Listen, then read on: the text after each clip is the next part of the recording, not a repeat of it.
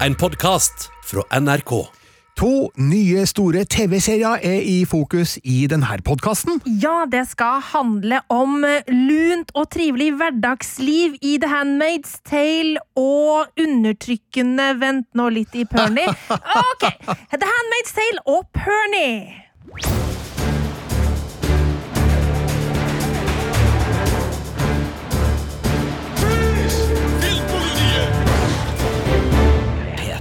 Her er Birger Vestmo, Marte Hedenstad. Og Sigurd Vik. og det er en av oss som har sett begge seriene det skal handle om i dag, og det er da du, Marte. Det stemmer, og jeg har også drikket en hel haug med kopper kaffe og et par energidrikk. Jeg er litt trøtt i dag. Jeg henger fortsatt i etter Oscar-natta, så dere får bare unnskylde eventuelle øh, rufsete greier underveis her. Altså Sånn fire dager etterpå så, så er du litt frynsatt fremdeles? Fortsatt. Jeg, jeg, jeg, jeg har blitt for gammel. Ja, men du, det kan jeg godt forstå, fordi jeg hangler også litt etter å ha holdt meg våken hele Oscar-natta og ikke sove på noe tidspunkt før natt til tirsdag, så det, det tar på, men vel, it's a dirty job, but somebody's gotta do it. Ja. Og apropos det, så, så er det jo Det her blir jo Martes podkast, fordi eh, vi, for, vi fordeler jo serier og filmer mellom oss, vi i Filmpolitiet. Dere skal jo få, få vite såpass, og så sitter man der og liksom tenker ja, hvem ser det, hvem har sett den, hvem har anmeldt den tidligere? Og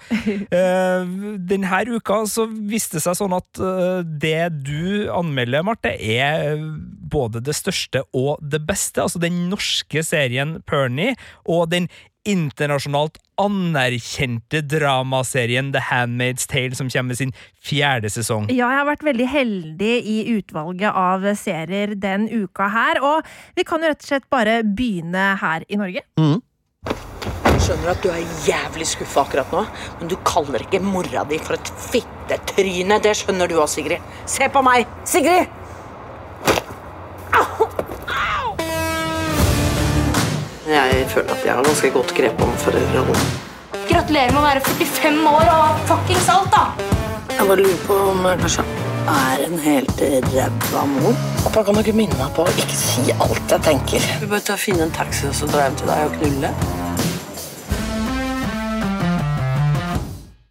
Serien heter altså Pernie, og jeg hørte jo her i det klippet, og ja, visste for så vidt fra før, at hovedrollen spilles av en av Norges morsomste damer. Ja, virkelig. Henriette Stenstrup spiller da hovedrollen som uh, Pernie, eller da Pernille Middleton, som hun egentlig heter i denne serien. Eh, men Stenstrup hun er også manusforfatter og serieskaper for den eh, herligheten her eh, av en eh, liten eh, dramedie. Og så vidt jeg har skjønt, da, så er dette en serie hun virkelig liksom Det er et sånn hjertebarn av en serie for hun, eh, og det skinner gjennom eh, i Pernie, fordi dette her er åpenbart en serie laga med mye kjærlighet. Nå må jeg bare spørre deg rett ut, er du sikker på at hun heter Pernille Middleton? Eh, eh, ja. Ja, fordi jeg kjenner jo noen som heter det, og som er filmkritiker. Og hvor mange Pernille Middletons finnes det? Det finnes én, men nå altså to. En ekte og en eh, fiksjonell. Ja, ikke sant? Ja, ja, nei da. Hun eh, omtaler familien som The Middletons, så ja da. Det, men hun, hun heter jo Pernie, da. Det er liksom stort sett Pernie hun kaller seg sjøl, og til og med eh, ungene hennes kaller henne for Pernie, eh, og det er det navnet som eh, går igjen. Men Ja. mulig det er en liten referanse til noen virkelige folk der. Kvalitetssjekker man ikke sine fiksjonelle navn opp mot virkeligheten? Altså, ja, heter man Odd Hansen, så er det kanskje stor sjanse for at flere heter det, men eh, ja, Aha, nå skal jeg ikke henge meg opp i det, da. Det, Mulig ble, det er en omasj. det er mulig at det kan være det. Men uansett, eh, hva handler serien da om i korte trekk? Altså, Pernie hun er en alenemamma. Eh, Eksmannen hennes bor i Danmark med ny dame. Hun har to barn. Tenåringsdattera Hanna og hva skal vi si, ten, tenåring- eller tween-dattera Sigrid. Um, og så har hun også boende hos seg uh, sin nevø Leo, uh, fordi at søsteren hennes, uh, Anne, er død, og hun er dødd ganske nylig.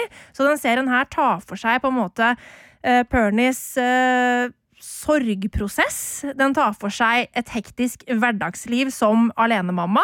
eh, Og den tar for seg hennes travle jobb i barnevernet. eh, Samtidig som vi også har Pernies pappa oppi det her, eh, spilt av Nils Ole Oftebro, som får seg en liten sånn scare, en sånn helsescare, som gjør at han bestemmer seg for å, for å leve livet fullt ut. Og, og bringe med seg litt sånn ja, nytt syn på livet inn i denne serien. Vet du hva, Jeg hadde sett den serien. Altså Nils Ole Oftebro øh, har, øh, skal, skal leve livet fullt Ja. ut. Den, det er en annen serie. Men Nei, den, men det er ja. den samme Ja, serien. den er inni her, ja. Den er inni her, og Så det nydelig. er helt nydelig. Og Nils Ole Oftebro er sånn skikkelig herlig som en sånn altså bestefar til disse barna, som på en måte er litt sånn derre tar livet som det faller seg, og på en måte skal virkelig liksom eh, gå litt sånn tilbake til, til tenårene i sitt livs høst, som han sier.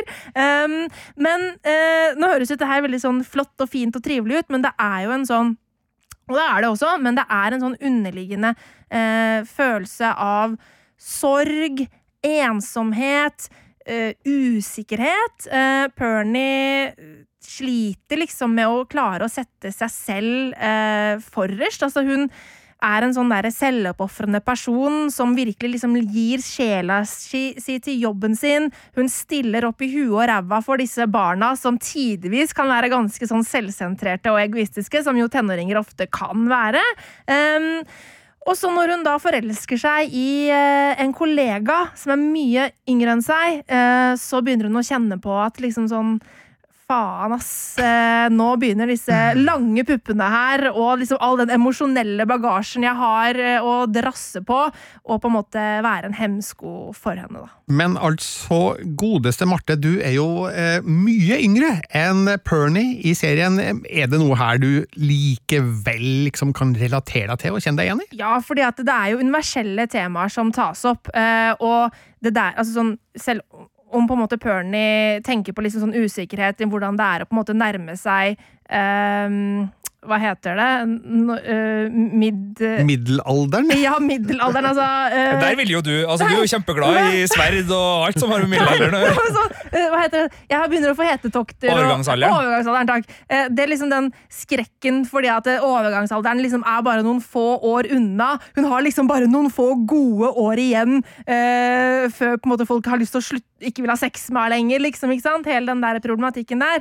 Eh, det er jo en alderstilknytta greie, men den usikkerheten som ligger i bånn, er jo universell. Altså Gjennom livet så har jo alle forskjellige usikkerheter man kan kjenne på, eh, og frykter og redsler i forbindelse med hvordan det er å skulle på en måte tørre å forelske seg igjen og sånne type ting, som, som hvem som helst kan kjenne seg igjen i.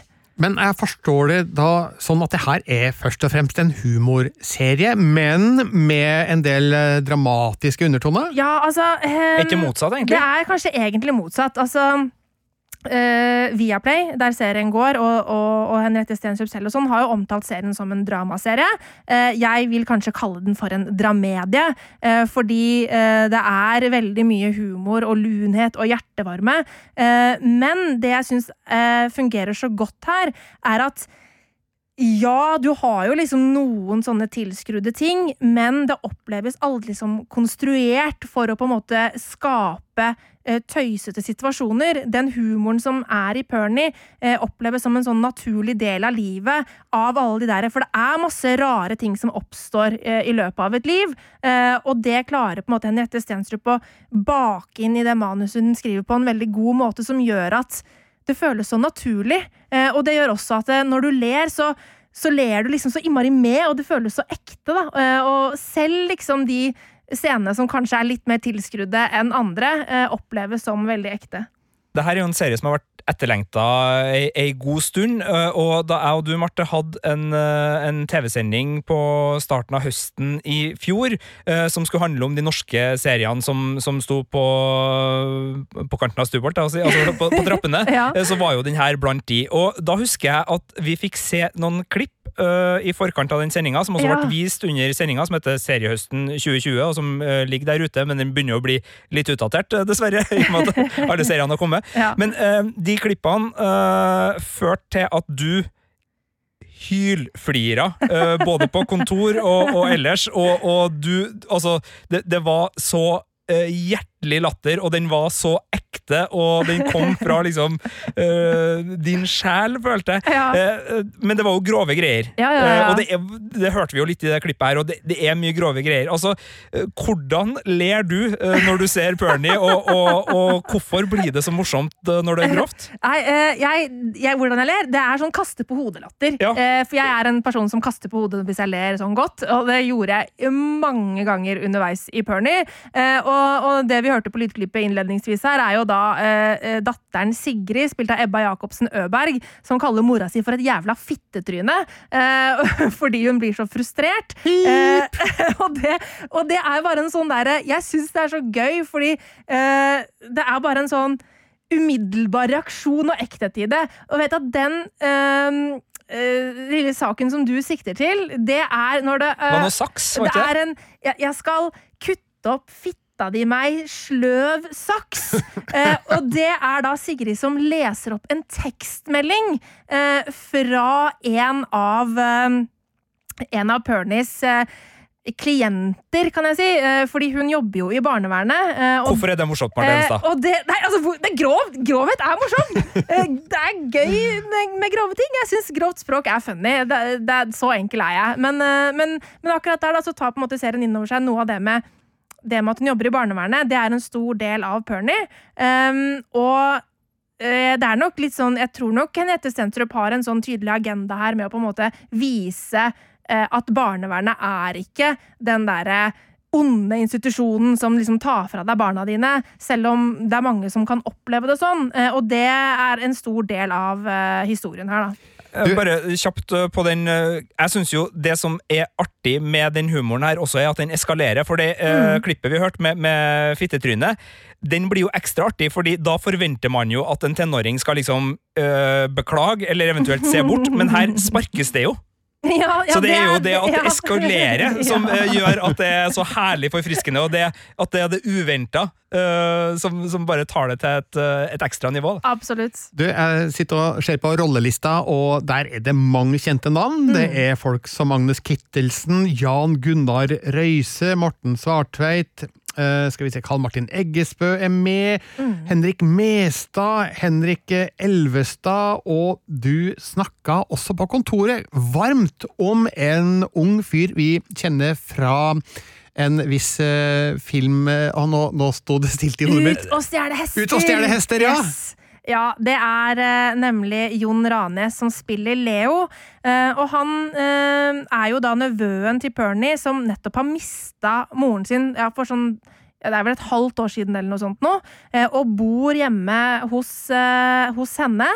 Um, og eh, moren døde på ganske brått og brutalt vis, og det er vanskelig, og han er altså så god på å liksom klare å formidle den derre Hei, jeg er en vanlig tenåring som har lyst til å leve livet mitt og spille håndball, men jeg har det også dritvanskelig på innsiden. Eh, og den derre konflikten der, eh, hvordan på en måte sorg kan komme ut som sinne. Altså, han er veldig troverdig eh, i hvordan han spiller, eh, og han og Henriette Stensrup har helt nydelig kjemi sammen. Og det er så mange fine scener mellom de to som er virkelig rørende underveis eh, i serien. Du, de seks episodene eh, de er da regissert av Charlotte Blom og Gunnar eh, Vikene. Mm. Blom kjent for Dianas bryllup, som gikk på kino i fjor. og Gunnar Vikene han har jo da hatt regien på Vegas og Himmelfall og Trigger og Okkupert, blant annet.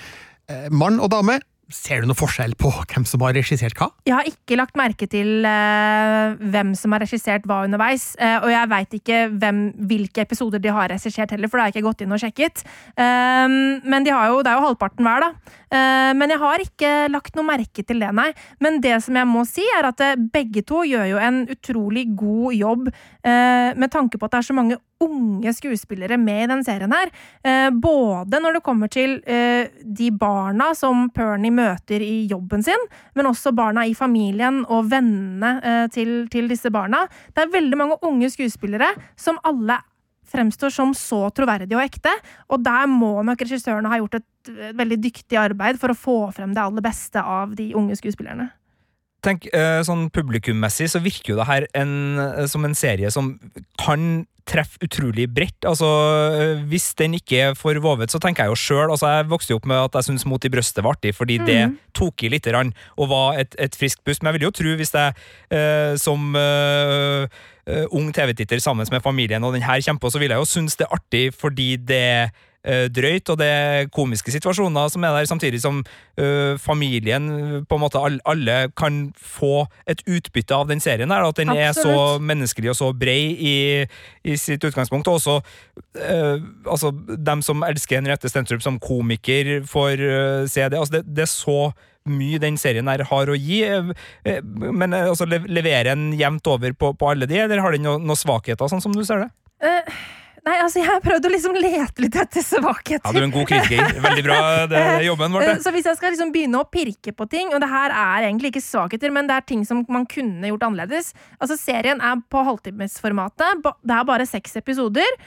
Og man kunne ha laget flere episoder. Det er sånne små tidshopp mellom episodene eh, som eh, omgår ting. eh, eh, som kunne jo ha blitt tatt med. Det er flere liksom, ting jeg kunne ønske jeg kunne liksom, sånn, fått lov til å se hvordan Pernie eh, reagerte på, for eksempel. Eh, men det er aldri noe som oppleves som på en måte at jeg har gått glipp av noe. Jeg forstår alltid hva som er blitt hoppet over, og at det fungerer fint i historien.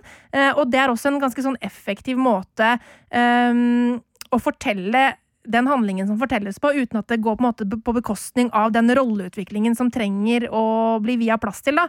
Um, Og så kan man jo også selvfølgelig si at uh, dette her er jo en serie som tar for seg tidvis ganske sånn mørk problematikk, men den går liksom aldri sånn skikkelig sånn Den blir aldri ordentlig dyster. Den lar oss aldri liksom marinere i det fæle, på en måte. Og den kunne jo ha gått dit. Eh, når den er inne på den problematikken som den er inne på, med tanke på liksom barnevernet, eh, sorg, det å miste noen, altså alle disse tingene. Samtidig så er det også deilig at den ikke gjør det, fordi det er dritunderholdende, og det er deilig å få være i det der lune landskapet, og det er deilig å på en måte bare la seg underholde av den der herlige karismaen som også Henriette Henriette Stenstrup har, da. Eh, Jeg storkoser meg med det, rett og slett. Du sa noe poetisk her om, om serien hvor man liksom kunne kose seg i lyset fra uh, verandalysene til Pernie. eller Noe, noe sånt. Ja. Altså, er, det, er, det, er det locations her som på en måte også Ja. er med og setter stemning og, og gir oss liksom plasser å være og henge med, Ja, altså, med TV-selskapet? Eh, det uh, Hjemmet til Pernie er jo helt nydelig. De bor hjemme i, i farens gamle hus, uh, som er i Oslo et eller annet sted, da, ikke sant? Med en sånn svær, herlig hage. Eh, det er sånn deilig vinterhage med liksom lyslykter, og det er hønegård, og det er liksom ikke måte på hvor trivelig og fint det er. Og alt er veldig lunt, trivelig, koselig og rundt og deilig. Eh, og det er et deilig sted å være. Eh, men jeg er sikker på at det er sikkert noen som kanskje vil kritisere at den ikke tør å være kanskje litt skarpere og spissere i kantene. Men, men jeg, jeg koser meg i dette deilige og trivelige, og, men også såre og triste universet. Så nå er spørsmålet, Marte, hvor høyt på skalaen skal vi for Pernie? Altså, jeg tror rett og slett jeg bare slår på stortromma og går for toppkarakter. toppkarakter. Fordi Pernie er bare helt herlig. Så terningkast seks. Og hvor kan vi se Pernie? Via Play, og den har da premiere på søndag.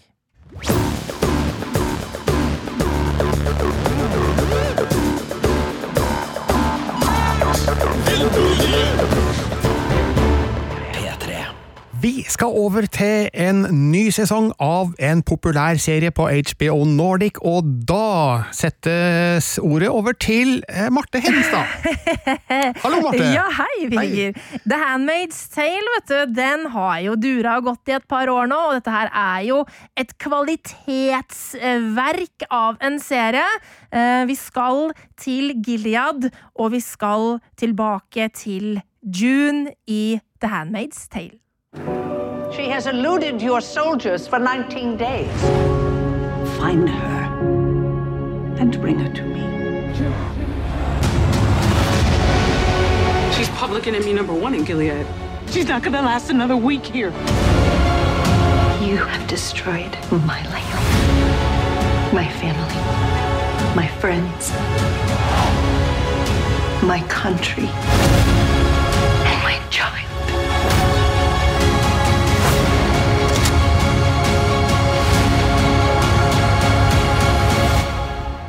ask for justice.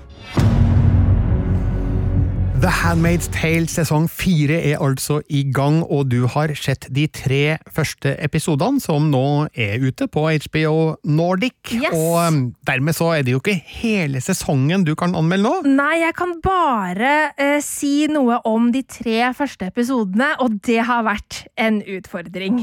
Det hørtes episk ut Ja. på trailermusikken. Altså, det var nesten sånn Ringenes herre-traileren. Hva, hva heter det klassiske stykket der? Sånn du-du, eh, du-du, du-du, du-du, du-du. Ja. Ja, det var nesten der. Det var litt som jeg så for meg, hvis jeg ikke hadde visst bedre, at det var liksom sånn to hærer med sånne ikonisk rødkledde med hvite hatter som sto liksom med sverd mot hverandre, og det skulle liksom kriges i himmelen for eh, Du kan jo gjette på om jeg valgte liksom slutten på traileren, hvor det er mest pompøst, eller starten på traileren, hvor det Og håper, håper det her var slutten. Ja, det var slutten. okay, takk og pris.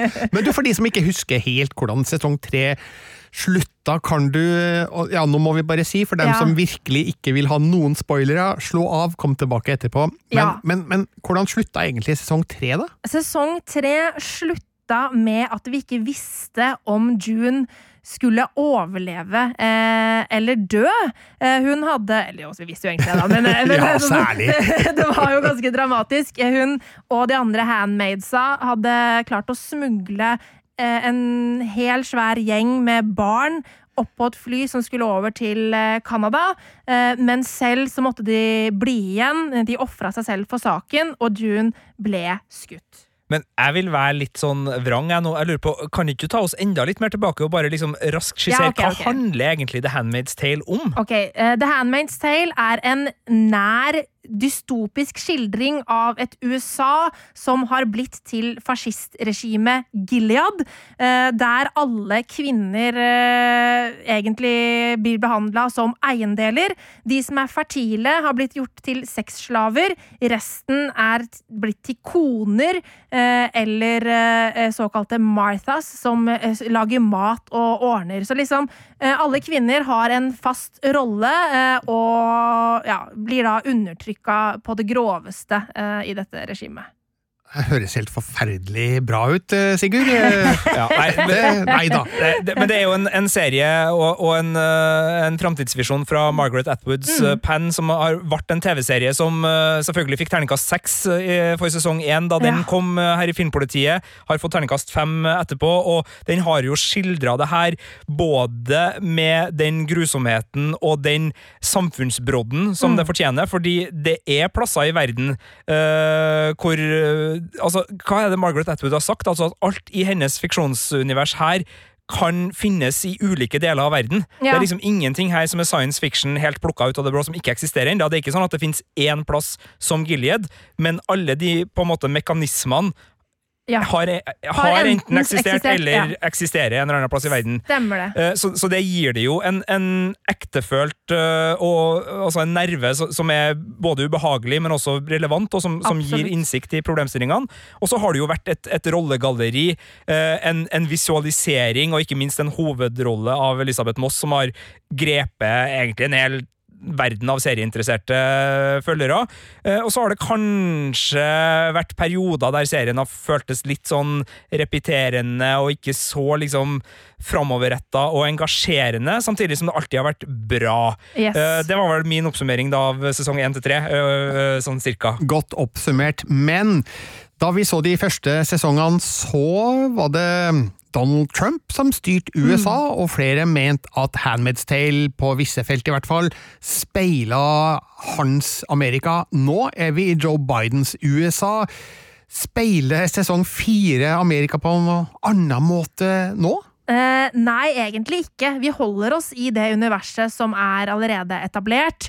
Um, og det er jo som du sier, Sigurd, det har vært en sånn fram og tilbake-greie eh, som har vært ganske gjentagende om kamp, undertrykkelse, kamp, undertrykkelse.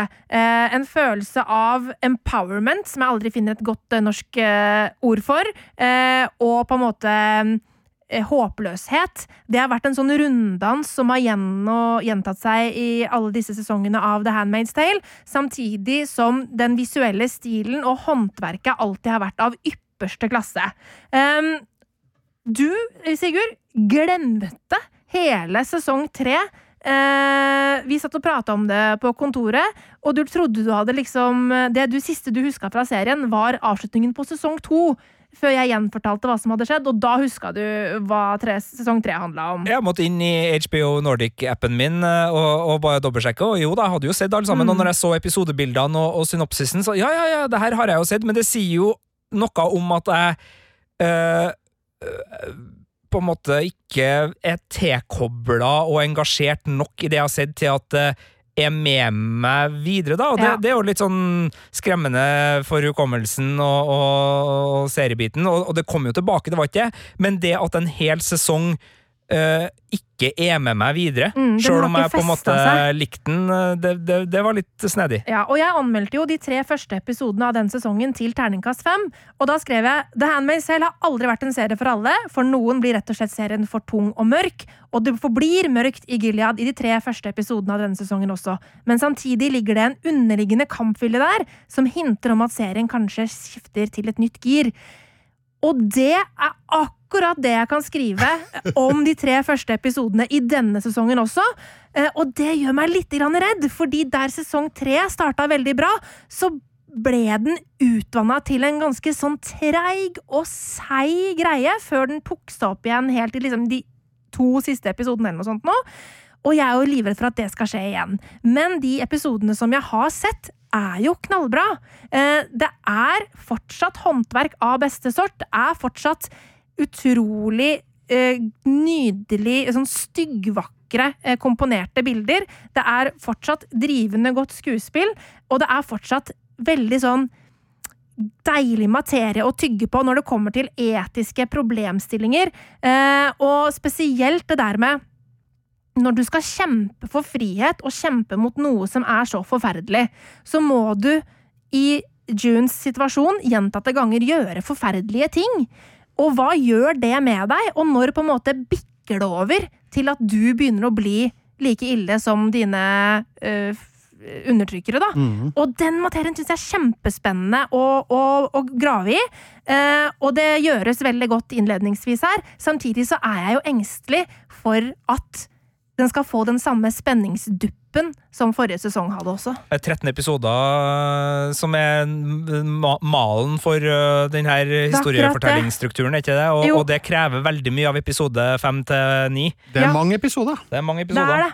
Men jeg regner med at jeg tar det nærmest for gitt at Elisabeth Moss selvfølgelig er eksepsjonell i hovedrollen. Hun er helt fantastisk. Og hun har jo en sånn der Altså, hun har et blikk eh, som bare kommer så hardt gjennom, eh, gjennom ruta. Og det er jo selvfølgelig har jo noe med om at eh, alle bildene når hun stirrer inn i kamera, er jo liksom komponert for å virkelig liksom bygge opp under den intense eh, spenningen og liksom situasjonen som hun stadig befinner seg i, da. Eh, men hun er jo helt fantastisk til å klare å liksom uten å si noe, formidle veldig mye med fjeset sitt. Eh, og det gjør hun også i, i denne sesongen. Eh, og det som jo òg er gøy, er at hun også Hun gjør sin regidebut eh, på den tredje episoden eh, i eh, denne fortellinga. Eh, og det er en knallgod episode som røsker ganske hardt i seeropplevelsen og er ganske dramatisk, og som også tør å på en måte kanskje tøye strikken litt da, for hva vi er vant til å se i The Handmaid's Tale, så det var veldig gøy å se. Men du, jeg har lagt merke til et par eh, internasjonale overskrifter på anmeldelser i USA, og én skrev at eh, nå, nå er det nok. Ja. Jeg, Kan du eh, forstå den tankegangen? jeg kan, jeg kan godt forstå det. Fordi sånn som vi snakka om at sesong tre var veldig treig, eh, og den derre runddansen som vi hele tiden Altså, eh, gjennom alle sesongene, da Jeg skal ikke si noe om hva som skjer i denne fjerde sesongen, men i de tre første sesongene så har det hele tiden vært en sånn derre katt og mus-lek med liksom derre Gileads etterretning. Eh, June på en måte eh, eh, forsøker å gjøre et eller annet eh, for å bryte fri. Hun driver med liksom frigjøringskamp og liksom eh, er liksom behind enemy lines og gjør masse sånne spennende greier for å hjelpe liksom motstandsbevegelsen. Hun får det til, føler seg liksom skikkelig empowered. Det er kvinnekamp, det er yes, og så bam! Rett tilbake til helvete. Eh, og den runddansen har gjentatt seg så mange, mange ganger. Ja. Eh, og også den der med at hun får til noe, men velger også å bli. Eh, og det er den derre Det blir en sånn der utmattende følelse av at det aldri skal bli bedre. Og det er jo litt sånn der, Det er et lite paradoks, for jeg tror nok at det er også noe serieskaperne ønsker å skape. Fordi det er en utmattende jævelskap å være i Gilead. Vi skal få lov å kjenne på den utmattende følelsen som June også eh, kjenner på, men det kan ikke gå for langt sånn at man rett og slett blir lei. Eh, og den tredje sesongen var veldig treig. Eh, det er bestilt en ny sesong, mener jeg. Jeg tror sesong fem også er bestilt. Og jeg kjenner at jeg syns det er greit hvis det blir den siste sesongen. Nemlig. Med mindre sesong fire tar Ikke av sant? i helt uventa retninger. Det kan jo skje! Åpner opp hele universet og gir nye muligheter. Ikke sant? Ja, og, nå, Men- og nå høres jeg kanskje litt negativt ut, men, men altså, det er jo knallbra, det her. Ja. Men det er bare det at det, er mørkt å være Gilead. Og å være der litt for lenge kan bli litt tungt, altså. Ja, Det er jo sånn, eh, det er veldig fint hvis serier klarer å eh, få publikum til å føle det eh, som er det tematiske. Som du var inne på, altså hvis det handler om den utmattelsesfølelsen, så, så, så, så er det jo selvfølgelig kvaliteter i å klare å overføre det. Samtidig, hvis en serie skal handle om irritasjon, og den er superirriterende, så kan det bli slitsomt i Sånn som sofaen. filmen The Breakup, som jeg hater intenst. Ja, det var, ok, du går for den. Ja, det, det er greit. Men, men, men det der er en balanse, da. eh, Og, og som virkemiddel så, så er det å utsette publikum for det du ønsker å formidle av øh, stemning eller tankegods øh, eller tematikk. øh, fint, men, men 13 timer med det kan Ja. altså, da, da er spørsmålet altså, Skal det være liksom fantastisk for de tre som makter å sitte gjennom det, og så driter du bare i alle fall fra, eller skal du liksom prøve å finne en, en gyllen middelvei? Og Problemet til The Handmaid's Tale er at det har gått fra å være en serie som alle måtte se, og som var utrolig eh, fengslende for dem som kom inn i det. Altså, det, det var ikke nødvendigvis Game of Thrones-tall, men det var veldig mange som så på, og det ble en serie som både gjennom bilder, men også uh, tittel og, og snakk eh, fant et publikum uh, over hele verden. Uh, og det er et publikum det er vanskelig å holde på i den størrelsesordenen. Samtidig så har du der fenomenet som heter brand awareness, som flere TV-serier nå, og flere TV-produsenter er opptatt av. Eh, For eksempel for Westworld, da, så er det så mye lettere å opprettholde ålreite seertall på et par millioner i, i uka for HBO enn å starte en ny serie. Så sjøl om sesong fire eller fem eller seks eller hva det nå enn blir, er liksom merkbart mye dårligere og mindre interessant enn sesong én, så er det allikevel en mye større markedsandel å ha enn å starte med en ny serie som du ikke vet om vil slå an eller ikke, og som ikke folk vet noe om. Og The Handmaid's Tale har jo det der med at selvfølgelig lager du en sesong fem av The Handmaid's Tale fordi merkenavnet er så sabla sterkt at sjøl om publikum er litt sånn øh, kanskje litt misfornøyd, eller kanskje ikke henger med helt, Ja. så vil de allikevel være mange nok til at det er du er tjent med den bøssen og den medieoppmerksomheten. Alle anmelder jo, sjøl på sesong fire. Vi sitter her nå og anmelder The Handmaid's Tale sesong fire i Norge liksom. på tre episoder fordi det er et stort merkenavn Mm. også. Ikke bare derfor, men, men det har noe med det å gjøre. Og det gjør nok at vi, vi vil få mer, men jeg håper jo at de eh, ser seg eh, likt med å avslutte på en god måte, og ikke bare liksom tvele ut. da. Ja, eh, men der tror jeg nok òg selskapet Bruce Miller er ganske kompromissløs. Eh, fordi han, eh, han, lager sin visjon, han. Eh, altså sånn, eh, med, med tanke på liksom hvor gode seertall første sesongen av The Handmaid's Tale fikk, for eksempel, så kunne man valgt å på en måte vanne ut konseptet. Og gå for et mer, mer lettspiselig opplegg, ikke sant? som ikke var så tungt. Så der skal jo han ha honnør da, for at han holder på den visjonen og det utgangspunktet som han jo skapte i første sesong. Um, men så er det jo da, som vi snakker om, hvor lenge man orker å være i det. Eh, nå er det jo sånn at eh, som i forrige sesong, så, så, så skjer det jo ting eh, i løpet av de tre første episodene som, som staker ut en ny kurs for June. Og så får vi se, da, om, om det går rett tilbake i samme leia igjen i episode fire. Nemlig. Og du, for de som måtte lure på det, hvorfor har du bare anmeldt de tre første episodene? Ja, Det er rett og slett fordi det er det vi har fått. Vi har ikke fått tilgang til noe mer, og sånn er det jo av og til for oss. Eh, som eh, anmeldere. Noen ganger får vi hele sesonger i lang tid i forveien. Andre ganger får vi sånn én episode. Halve, halve sesongen.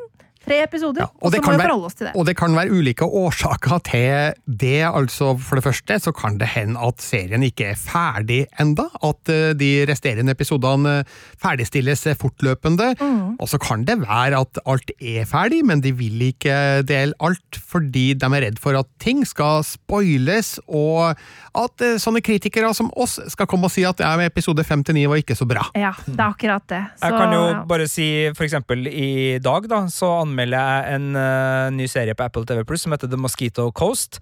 Og den er på sju episoder, og jeg fikk alle. Og etter tre episoder så var jeg veldig fornøyd. Jeg var på terningkast fem, og det var bare stas. Jeg storkosa meg.